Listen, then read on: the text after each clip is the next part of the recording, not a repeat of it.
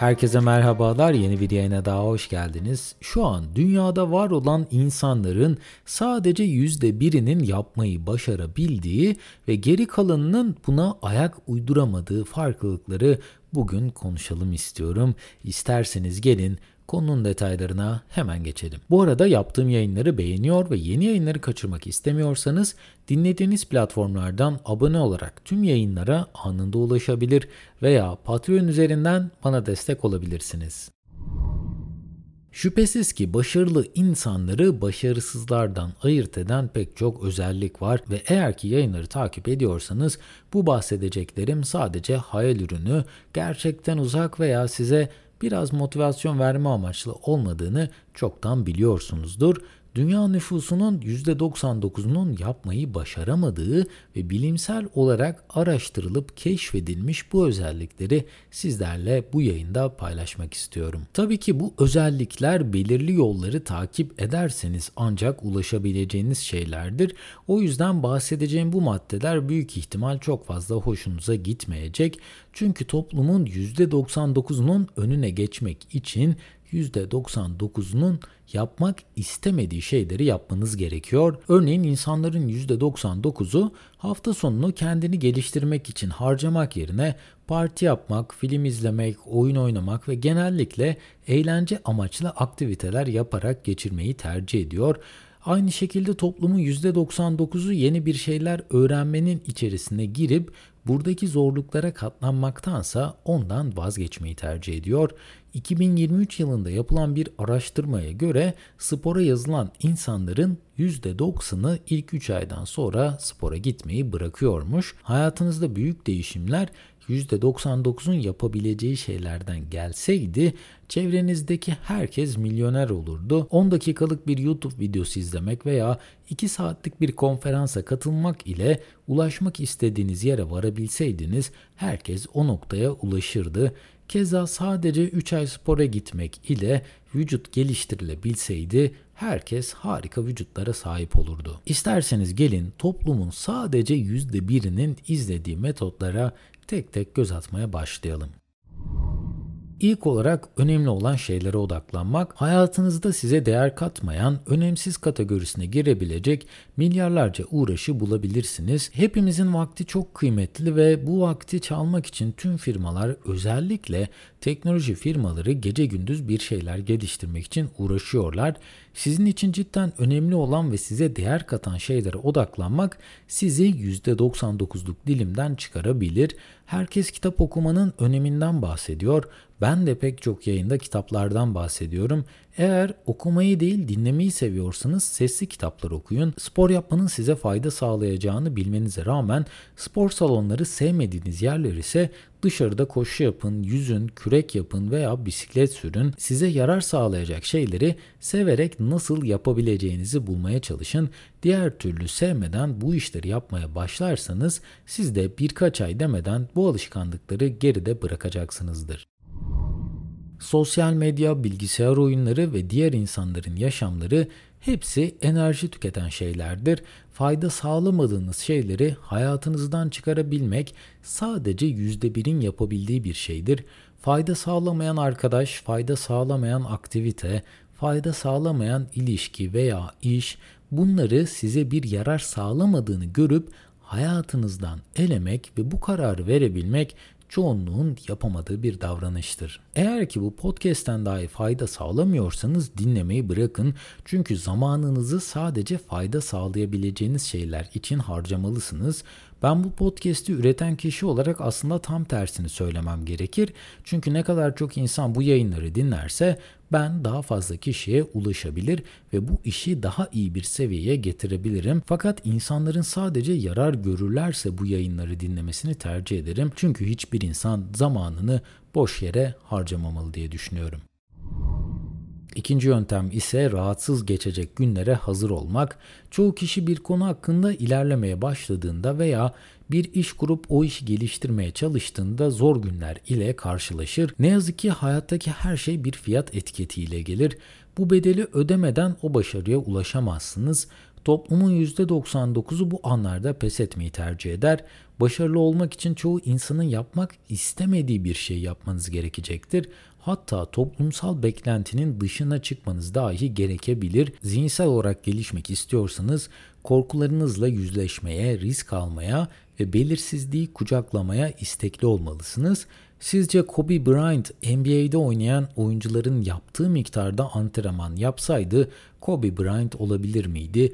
Ya da Bill Gates, Steve Jobs, Elon Musk sadece yaşıtlarının yaptığı aktiviteleri yapsalardı bu kadar büyük başarılar elde ederler miydi? Başka bir yayında bu kişilerin zamanlamalarının ne kadar önemli olduğundan bahsetmiştim. Yani sadece çok çalışmaları daha önce başkalarının emek harcamadığı kadar emek harcamaları değil, doğru zamanda doğru ürün çıkarmaları da tabii ki başarılarında büyük öneme sahip. Fakat bu isimlerin hepsi toplumun %99'unun yaparken rahatsızlık duyacağı şeyleri yapmayı başardılar. Diğer bir metodumuz ise kötü olaylar için başkalarını suçlamamak. Hepimizin hayatında kötü günler olur ve belki de travmatik izler bırakacak olaylar yaşanır. İnanın ki kimsenin hayatı mükemmel değil. Hayat pek çok kişi için güllük gülistanlık değil. Belki kötü günler geçiriyor olabilirsiniz. Her kötü olay gelip sizi buluyor da olabilir. Çabalayıp çabalayıp hiç ilerlemediğinizi hissettiğiniz oluyordur. İyi haber vermek isterdim ama ne yazık ki bu tür şeyler sizleri asla terk etmez. Tam her şey yoluna girdi dersiniz. Olmadık bir şey yaşanır, tüm sevinçleriniz geride kalır. Okul bitsin, işe gireyim, evleneyim, bir yuva kurayım artık her şey düzene oturur dersiniz. Hayat başka bir yönden sizi zorlamaya başlar. Belki parasal sorunlar biter ama çocuğunuz ile sınanmaya başlarsınız. Şimdi olmasa 3 ay sonra kötü bir olay gelip sizi kesin bulur. Belki bir yıl sonra belki de 10 yıl sonra kötü olaylar sürekli olarak ardı sıra gelir ve sizi bulurlar. Toplumun %99'u hayatındaki sorunlar için dış koşulları suçlamayı seçer. Ekonomi kötü der, eğitim sistemini beğenmez, patronunun vicdansız olmasını sebep gösterir, eşinin karakterinin bozuk olduğuna inanır. Çünkü burası zor günlerde sığınacak tatlı bir limandır İğnenin ucu bu limanda asla size değmez. Fakat %1'de yer alan kişiler yaşamlarının sorumluluklarını tamamıyla göğüslerler. Sorumluluk aldığınızda olumlu değişiklikler yapmak zorunda hissedersiniz. Kendinizin neleri yanlış yaptığını düşünürsünüz neleri değiştirebileceğinize odaklanmaya başlarsınız. Kötü giden bir ilişkide partnerinizi suçlamak yerine sizin neyi değiştirebileceğinizi sorgulamak ancak sizi ileri taşır. Çalıştığınız firmada patronunuzu vicdansız ilan etmek yerine iş yerinde neyi farklı yapabileceğinizi sorgulamak sizi ancak daha iyi bir noktaya götürür ya da o işi değiştirmek için neler yapmanız gerektiğini düşünmek ancak hayatınızda olumlu değişimler olmasını sağlar. Toplumun sadece yüzde biri kusurlarını ve hatalarını kabul eder ve bahaneler üretmek yerine bu hatalardan ders çıkarmaya daha istekli olur. Kişisel gelişimin önündeki en büyük engellerden biri onaylanma ihtiyacımızdır. Kendi hedeflerimizi başkaları ile paylaştığımızda hiç bitmeyen bir onay arama ve eleştiriden kaçınma döngüsüne hapsoluruz. Hedeflerini paylaşma adındaki yayında bunu detaylıca konuşmuştuk. Fakat dinlemeyenler için bir özet geçecek olursam Hedeflerinizi başkaları ile paylaştığınızda sürekli olarak bu kişilerden onay almak zorunda hissedersiniz ve insanların büyük bir kısmı o konu hakkında adam akıllı bir tecrübeleri olmasa dahi size işin neden yürümeyeceği hakkında görüşlerini bildirirler. Bu tarz geri dönüşlerde sizin hevesinizi kırar ve bu tabii ki hiç kimseye hiçbir şey sormayın anlamına gelmiyor. Sadece o konuda gerçek hayat tecrübesi olan ve size fayda sağlayacak kişilere danışırsanız faydalı geri dönüşleri ancak bu şekilde alabilirsiniz. Diğer bir metodumuz ise amaçları doğru belirlemek. Pek çok insan 20'li yaşların ortasında mutsuz hissetmeye başlar. Çünkü ilk defa o dönemde hayatında gerçek amacın ne olduğunu sorgulamaya başlar. Üniversiteden mezun oluncaya kadarki dönemde amaçlarınız sizin için önceden belirlenmiştir. Okula gitmek, güzel notlar almak, iyi bir üniversiteye gidip diploma almak, iyi bir işe girmek ve evlenmek gibi hedeflerin çoğunu siz belirlemezsiniz. Toplum bu hedefleri sizin için çoktan belirlemiştir ve tüm bu hedefler geride kaldığında gerçekten amacınızın ne olduğunu sorgularsınız. Ben elektrik mühendisliği okuyabilmek ve bununla alakalı bir işe girebilmek için neredeyse hayatımın %80'ini harcadım ve tüm bu hedefleri geride bıraktıktan sonra aslında istediğimin mühendislik yapmak olmadığını anladım. Sadece toplumun %1'i hayatındaki temel amaçları çok iyi belirlerler. Fakat bu amacı belirlemek için amacına bağlı olarak hala geç kalmış sayılmazsınız. Hayvanları çok seviyorsanız ve onlar için bir şeyler yapmak istiyorsanız kaç yaşında olursanız olun bunu yapabilirsiniz. Ama sadece bunu yapıp hem de bu sayede hayatınızı geçindirmek istiyorsanız bunun için daha uzun süreler savaşmanız gerekecektir. Fakat başarılı bir atlet olmak istiyorsanız ve 30'lu yaşlarınızın ortasına geldiyseniz ne yazık ki bu amaç için geç kalmış olursunuz. Bazı insanlar bu açıdan oldukça şanslıdır.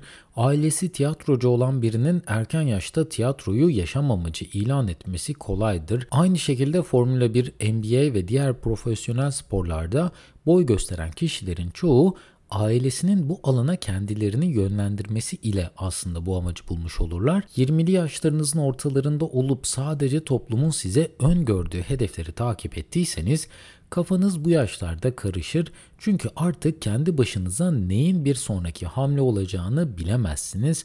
Fakat bu amacı belirler, kurallar çerçevesinde hala netleştirebilir ve bu amaca ulaşmanızı engelleyen her şeyi göz ardı edebilirseniz bundan sonra hiç olmadığı kadar kararlı bir şekilde o amaç için çalışmaya başlarsınız.